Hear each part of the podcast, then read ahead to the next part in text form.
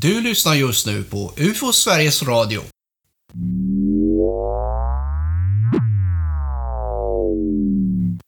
Idag ska vi för ovanlighetens skull göra ett aktuellt program där vi tar upp lite nyheter. Eller i alla fall någorlunda färska. Ni i UFO Sveriges trogna lyssnarskara vet vid det här laget att ni slipper allt vad reklam är, förutom den för oss själva förstås. Och idag kanske det blir lite av den varan. Ni vet också att avsnitten inte har någon fast tid eller speciellt körschema. Vi som de amatörer vi är gör UFO Sveriges Radio när andan faller på eller när tillfälle ges. Dock är tanken att det inte ska gå allt för lång tid mellan avsnitten. Men som ni alla också vet och känner så har det här året inte varit sig likt. Tycker ni att UFO Sveriges Radio är en trevlig podcast så är det bästa sättet att promota den genom att lyssna. Naturligtvis blir vi extra glada och får lite mer energi om ni skickar ett mail och berättar vem ni vill höra och vad ni vill höra och kanske om ni vill höra UFO Sveriges Radio lite oftare. Adressen är som alltid info.ufo.se. Men nu över till nyheter från TT.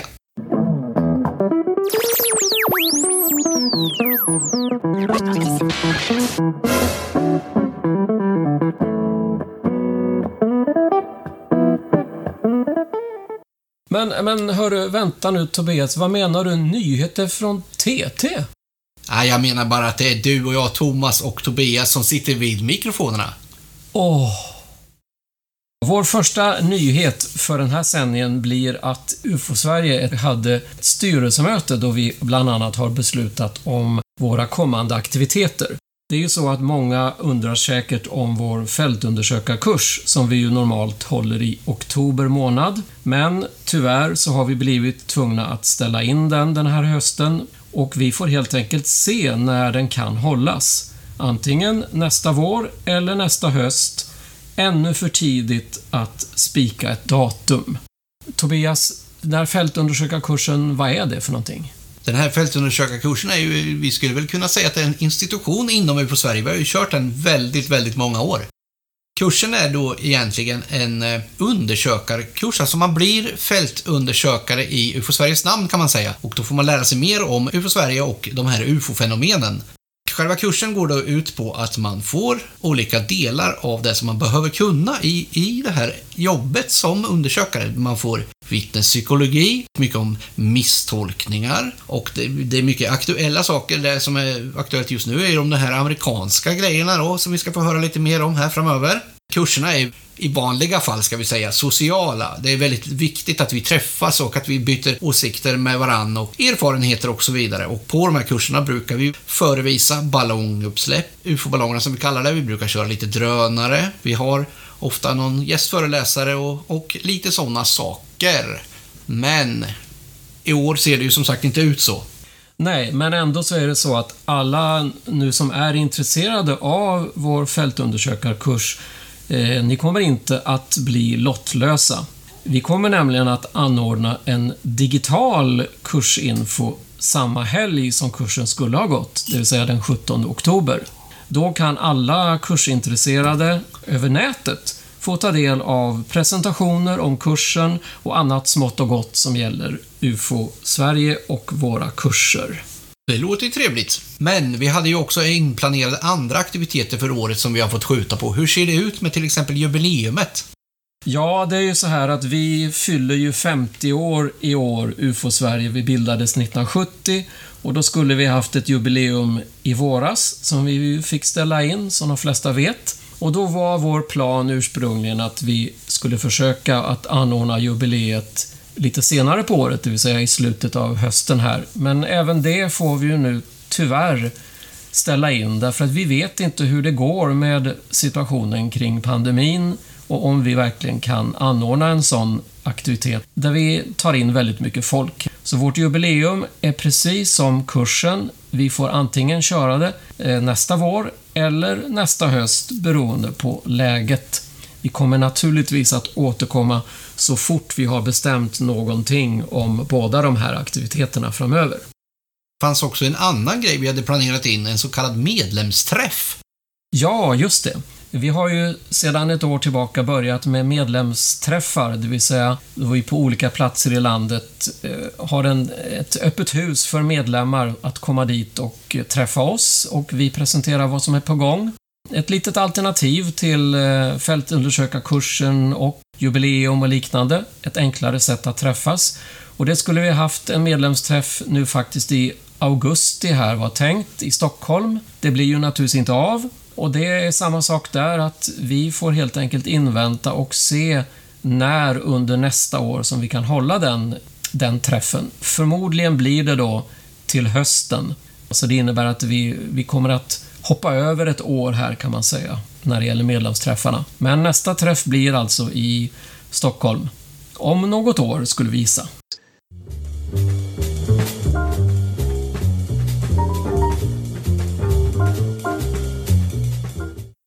UFO Sverige har en rapportcentral och där får vi ju in ett antal rapporter varje år och vi ska väl ta en liten färsk rapport. En iakttagelse av ett ännu okänt föremål gjordes från Ekerö den 23 augusti. Vittnena till denna händelse befann sig på en promenad i närheten av Ekebyhov strax efter 19-tiden på kvällen. Åt norr får de då syn på något som kommer flygande helt ljudlöst som de finner märkligt. De filmar några sekunder när föremålet färdas i sakta mak, inte alls olikt ett flygplan, åt öster innan det försvinner bakom vegetationen. Föremålet i sig är väldigt ljust, helt vitt på filmen, utan karaktäristiska flygplansdetaljer. Det som ännu förbryllar är det märkliga utskottet ovanpå objektet. Själv drar jag mig till minnes en händelse som jag skrev om i UFO-aktuellt nummer 3 2011. Vad flög fram över taket? Ett mycket märkligt föremål fångat på bild i Landskrona. Det föremålet uppvisar också ett utstick på ovansidan, ifall någon vill gräva fram tidningen och kolla. Kent Cederborg, som håller i utredningen, har i sina undersökningar ännu inte fått bekräftat om det kan ha rört sig om ett mindre flygplan, som då flugit utan transponder, och alltså inte varit synligt på program såsom Flightradar 24, Undersökningarna går vidare med att hitta eventuell flygverksamhet i den riktning som observationen gjordes. Cederborg skickar också med uppmaningen till poddens lyssnare att höra av sig till UFO Sveriges rapportcentral om ni sett något liknande eller kanske har någon information som kan hjälpa till i undersökningen av det som hände på Ekerö den 23 augusti.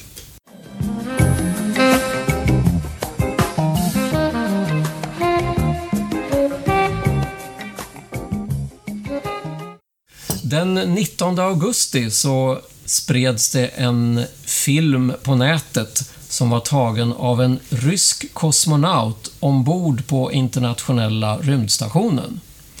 Man var uppe och filmade sydskenet, det vill säga norrskenet fast på södra halvklotet. Och på den här filmen så fick man med ett antal ljuspunkter som flög förbi och såg lite märkligt ut. På filmen så ser man de här ljuspunkterna bara under några få sekunder, men i verkligheten så tog det hela en minut ungefär, eftersom den här filmen är snabbspolad. Förmodligen så visar den här filmen de numera ganska kända Starlink-satelliterna. Det är nämligen så att den senaste uppskjutningen skedde den 18 augusti, det vill säga dagen innan den här filmen togs. Tittar man på bilder och filmer som ju finns på vår hemsida ufo.se så ser man ju att det är just ett sånt här litet pärlband av ljuspunkter som passerar. Det är precis det man ser på den här filmen tagen från ISS. Men det, naturligtvis, det spännande med den här filmen är att den är filmad från rymden och inte från, som alla andra filmer på Starlink, från jorden. Det är också viktigt att förstå att kosmonauten som filmade den här sekvensen, han har aldrig själv hävdat att det var UFOs han har filmat. Men på nätet så blir det ju ofta så att man spekulerar lite grann och rubriken var på många ställen “Rysk kosmonaut har filmat UFOs”. Men med 99% sannolikhet så är det Starlink-satelliterna. Och då kanske man undrar, men vad är nu Starlink då? Det här har vi pratat om i en tidigare podd och det finns som sagt information på vår hemsida. Det är ju ett, en stor mängd av väldigt små satelliter som skickas upp, eh, 60 stycken i taget, Tillsammans så ska det bli flera tusen satelliter som kretsar kring jorden och som ska erbjuda internetuppkoppling överallt på jordklotet. Och de här Starlink-satelliterna skjuts alltså upp på ett sådant sätt att de ser ut att hänga ihop som ett litet pärlband när de passerar över himlen. Och eh, det syns naturligtvis lika bra från rymden som från marken. Så den nyheten måste vi nog tyvärr säga att vi kan ha förklarat den här observationen. Och då måste jag ju undra när de skjuter upp nästa omgång av de här satelliterna. Har du den på, på rak arm? Nej, inte på en rak arm, men på en böjd arm kan jag säga att det är ungefär en månad mellan uppskjutningarna. Intressant.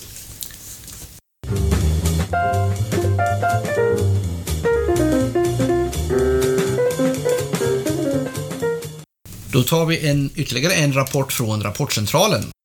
Den här händelsen hände den 18 juli i år och klockan var cirka kvart i tolv på natten. Vittnet till händelsen sitter på balkongen och har utsikt söderut där en stjärnklar himmel beskådas. Kvällen är lugn och vindstilla när han helt plötsligt hör ett swoop-ljud. Som när man snabbt suger in luft genom ett par läppar formade till en vissling. Händelsen äger rum i Trelleborg. I samma stund dyker också ett ljus upp, liknande en blåvit skarp stjärna.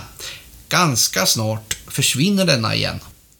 Från detta ljus kommer nu ut ett flygande föremål i riktningen nordväst. Det fortsätter spikrakt tyst, vare sig utan lampor eller kondensspår. Vittnet uppskattar storleken till att vara jämförbart med ett mindre passagerarflygplan på låg höjd. Dock var hastigheten mycket snabbare än ett flygplan.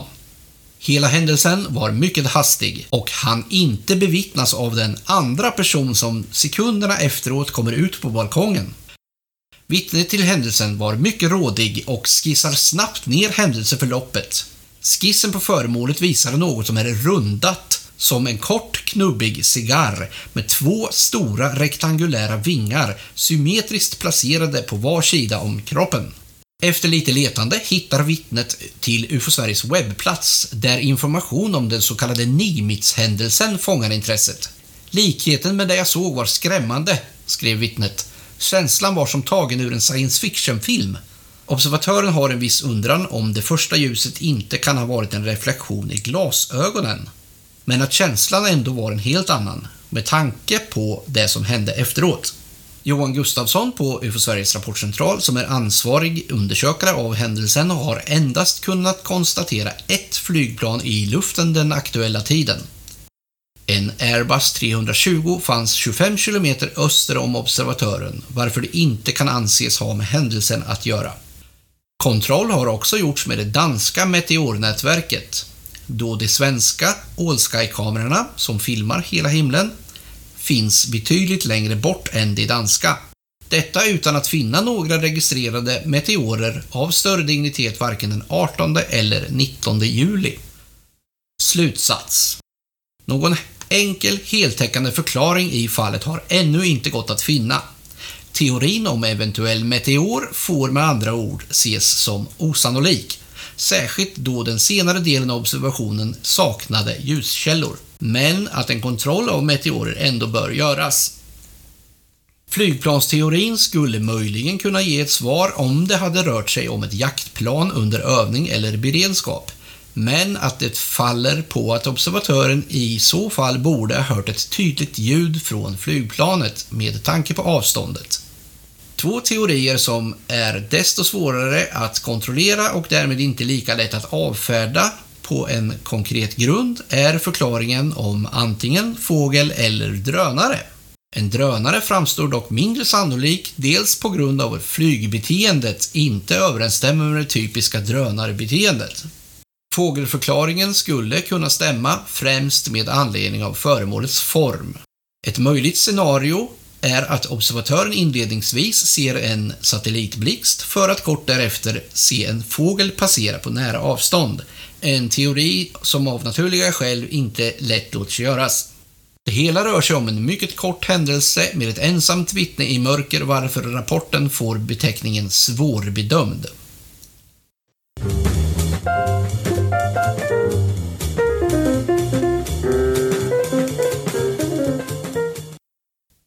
Ja, nu kommer senaste nytt från USA om det som kallas UAP, alltså Unidentified Aerial Phenomena, det vill säga oidentifierade luftburna fenomen.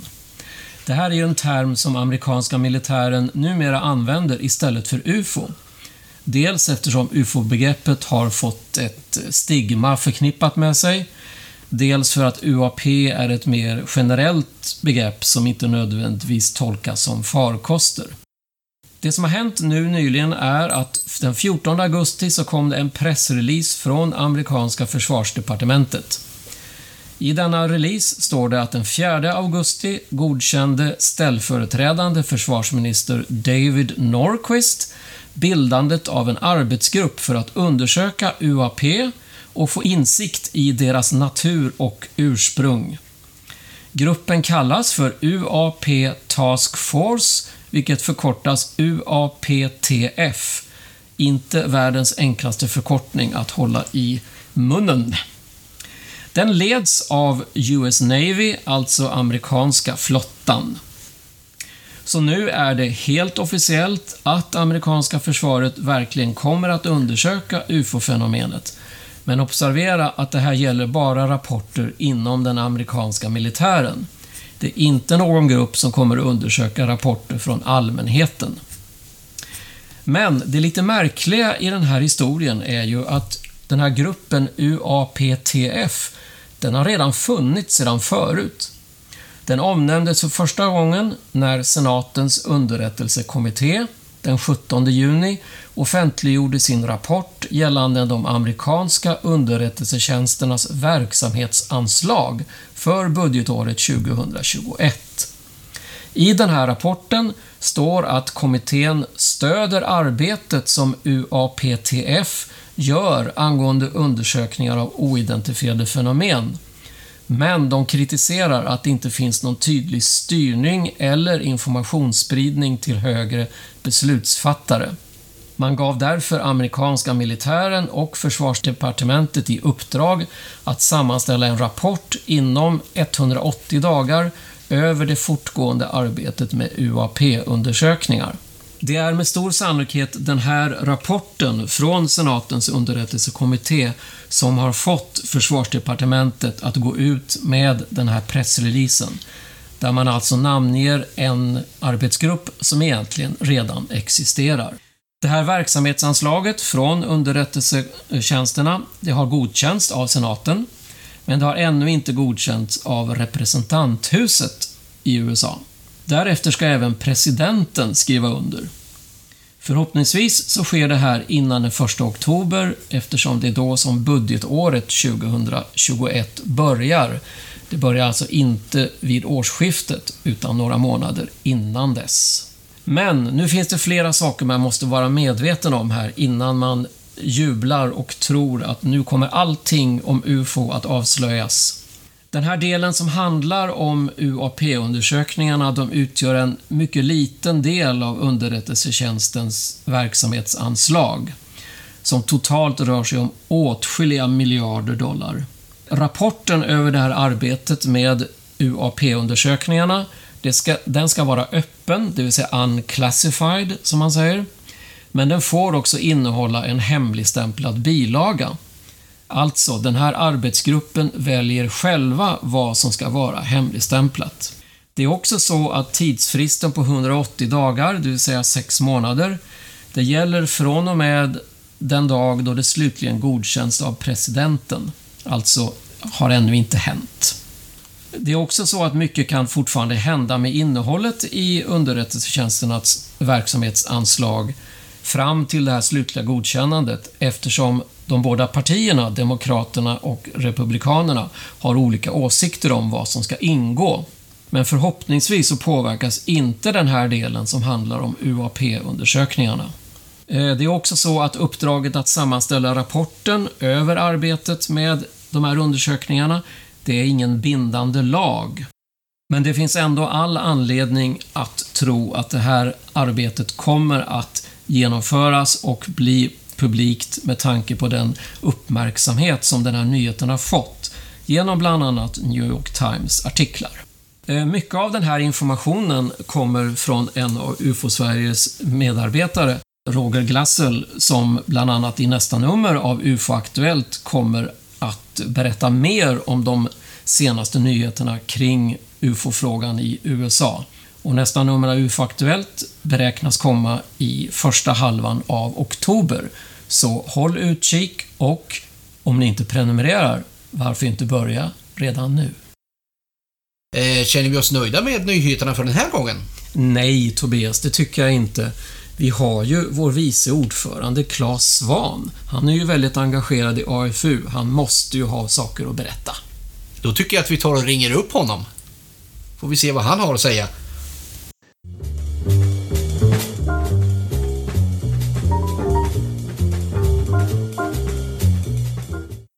Då har vi Claes Svan med oss, UFO Sveriges vice ordförande och ordförande i arkivet för det oförklarade.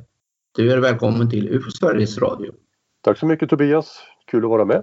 Vi tänkte att du säkert har lite nyheter från UFO-världen och från det här arkivet som du skulle vilja förmedla till våra lyssnare.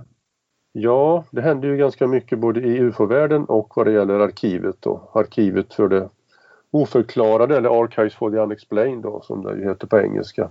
AFU har ju funnits sedan 1973 ska jag väl säga för de som inte är så insatta i det här och eh, det ligger i Norrköping och det ligger ju faktiskt precis under där du sitter och pratar med mig just nu Tobias. Jajamän. Och det är lite kul. Eh, att AFU finns i Norrköping är ju jätteroligt och det är många som eh, inte känner till detta men vi är störst i världen. Och det händer ju saker varje vecka egentligen på arkivet. Eh, det som är roligast är då att när det kommer in nya samlingar till oss. Vi har idag då tre hyllkilometer med material som eh, står då i 14 och en halv lokal faktiskt då på Djuraområdet i Norrköping. Och eh, i vanliga fall så hade jag ju varit iväg till England och samlat in kanske ytterligare något ton material, vilket jag brukar göra varje år. Men coronan satte stopp för den resan i år så just nu står det ett stort arkiv i England från en eh, cirkelundersökare som heter Pat Delgado och som avled för några år sedan. Hans änka gjorde jag upp med att eh, ta hand om det arkivet helt enkelt. Så hon har samlat ihop åtta sopsäckar. Eh, folk förvarar ju sitt material på lite olika sätt som du förstår Tobias. Det är lite lustigt kanske att ha grejerna i sopsäckar men det ligger där just nu. Eh, utanför, en bra bit utanför London och väntar på oss. Säkert en och annan lyssnare här som undrar om, eh, om inte England är tomt snart. De som ja. följer oss vet ju att du ofta åker dit. Det är en bra fråga faktiskt och den frågan får jag också då och då och ibland tror jag att svaret borde vara ja. Men eh, varje ny resa skapar nya kontakter och vi hittar nya arkiv eller samlingar på vindar och i källare och, och lite här och var det borde egentligen vara tomt kan man tycka. Men här, här från, eh, från Petelgard är ett jättestort arkiv och dessutom har vi några mindre och plus det så har vi 80 lådor med eh, UFO-material som står i London och väntar på oss sedan tidigare. Det ska också transporteras hem då till Norrköping. Men England får vänta och under tiden har jag fokuserat på Sverige en hel del. Tillsammans med eh, UFO Sveriges styrelseledamot Karl-Anton Mattsson så var jag nere i Kristianstad tidigare i år, i början på sommaren och eh, hämtade hem eh, ett stort arkiv efter Nils-Olof Jakobsson. Eh, han kan vara känd för er som är lite äldre och som läste boken Liv efter döden som kom på 70-talet. Nils-Olof han var psykiater och väldigt parapsykologiintresserad. Han gick bort 2017 och eh, hela sitt liv så jobbade han med att försöka förstå de paranormala fenomenen. Och den här boken såldes i enorma upplagor och gick ut på säg, ett tiotal språk säkert runt om i världen. Så när han gick bort och kontaktade då hans eh, familj oss och jag och Karl Anton var nere och hämtade 13, 14, 15 flyttlådor med eh, material om parapsykologi framförallt men också en del om UFO. Så det är ett av de stora svenska arkiven vi har räddat i år. Sen är det ju så att jag försöker också rädda arkiv som har med annat att göra, till exempel astronomi under det senaste året och nu senast för en vecka sedan var jag och hämtade ytterligare en bit utav Lars-Olof och Kerstin Lodéns arkiv. De var två svenska astronomer, gift par alltså som båda var utbildade astronomer som under 50, 60, 70, 80 och in på 90-talet var väldigt eh, väl sedda och arbetade med framförallt forskning kring stjärnor, spektral, spektralanalyser om, om stjärnor i Vintergatan. Och deras arkiv har vi då också tagit hand om faktiskt. Det är många så okända personer som folk inte känner till på rak arm också som har eh, lämnat efter sig stora arkiv. En man som heter Björn Örtenheim som jag minns när jag växte upp. Och när jag firade mina somrar och semestrar på Öland så brukade jag köpa Kvällsposten kommer jag ihåg på den tiden och det gick en artikelserie där utav Bertil Falk. Eh, en, en journalist som faktiskt är fortfarande i livet och vars arkiv vi också har, har räddat. Eh, och han intervjuade Björn Örtenheim vid ett tillfälle och Björn var pilot och väldigt ufo-intresserad. Hade själv sett ufo-fenomen och till och med filmat vid ett tillfälle eh, okända fenomen. Och för ett par månader sedan fick jag för mig att jag skulle försöka spåra Örtenheims tog helt enkelt och eh, letade reda på hans eh, släktingar. Kontaktade hans eh, dotter och fick tips om att en av sönerna bodde i USA. Och då ringde jag upp honom helt enkelt. Han bor i Kalifornien och driver ett litet flygbolag där. Och han visar sig då sitta då på eh, sin pappas eh, arkiv med mycket spännande paranormalt och ufo-material. Och kanske till och med att det finns den där filmen då som eh, pappan pappa själv tog. Det vore ju väldigt skojigt om, om den filmen fanns med där. Och nu skrev han till mig för några vecka sedan att han har packat några lådor och postat och skickat iväg mot, mot Sverige. Och det tar ganska lång tid i coronatider. Det tar månader att få över saker från andra sidan Atlanten.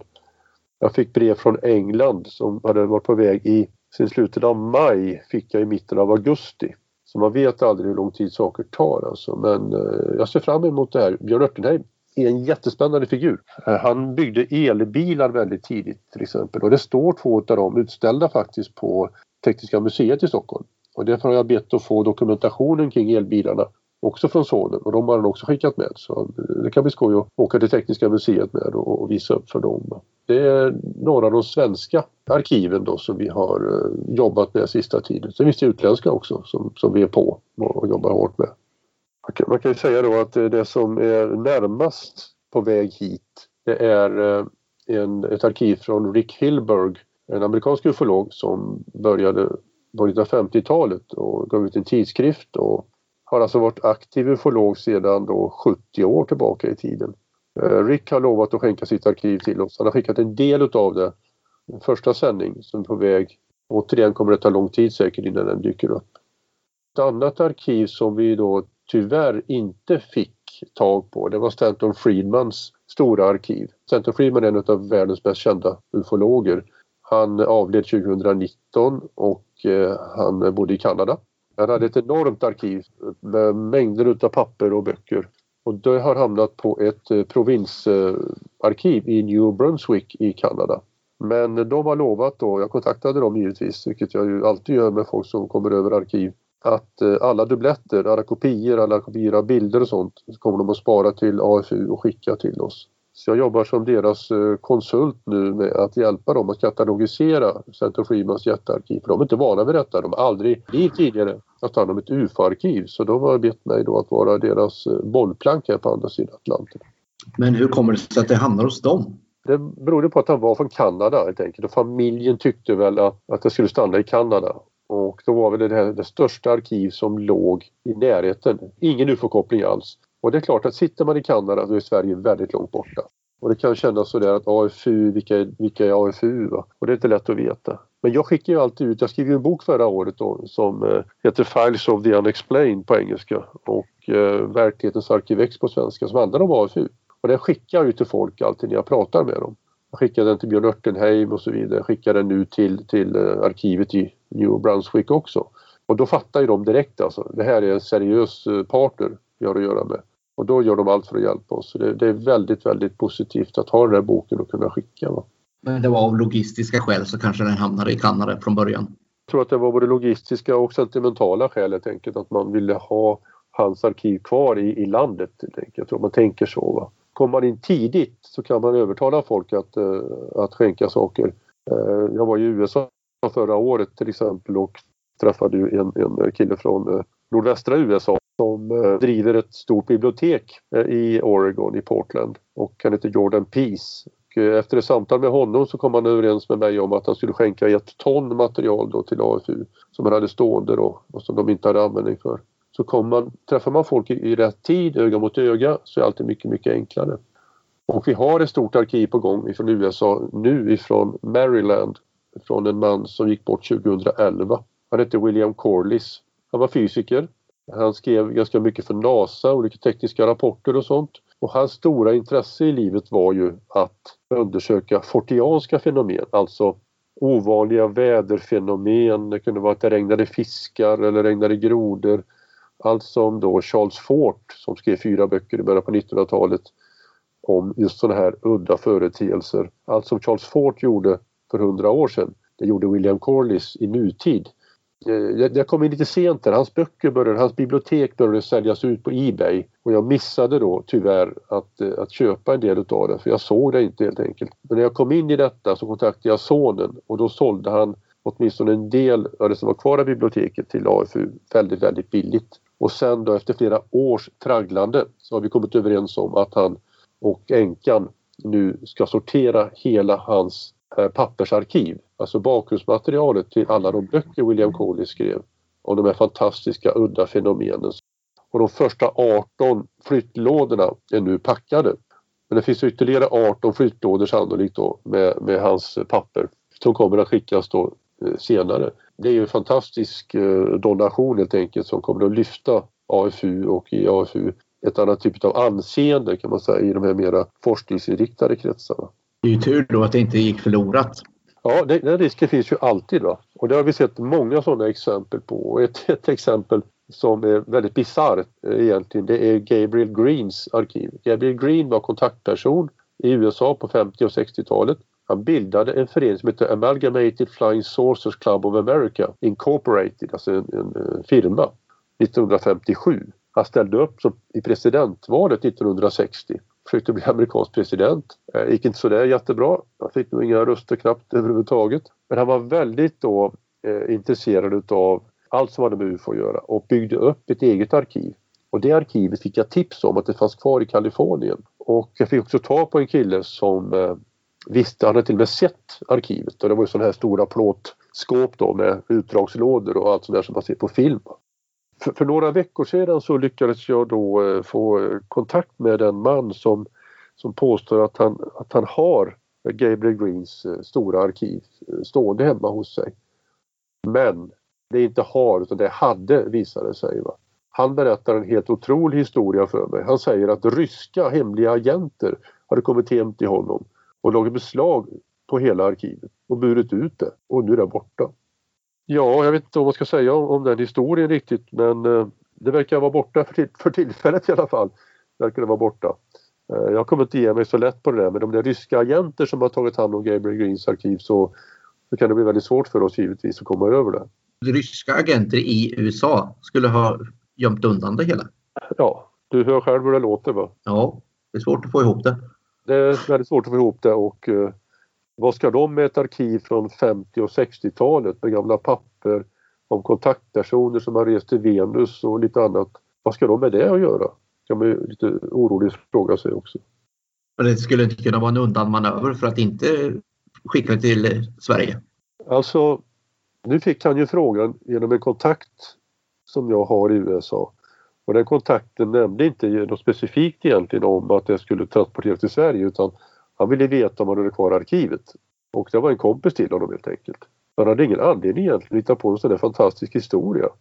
Jag måste fortsätta att rycka de här trådarna för jag får inte ihop detta jag heller. Det är lite för fantastiskt till och med den här branschen vi håller på med för, för att vara sant. Då. Men också är det så att det är sant bara för att det är så himla tokigt. Då. Mycket bra cliffhanger för ett kommande avsnitt av på Sveriges Radio. Absolut. Ja, men så ser det ut ungefär just nu då. Det här är de stora bitarna. Det händer ju mycket annat också givetvis. Men eh, det här är de, de eh, större arkiven som vi håller på att jobba med just nu. Och eh, vill ni vara med och stödja AFU så gå in på afu.se och det kan man donera, man kan bli månadsgivare, man kan skänka material.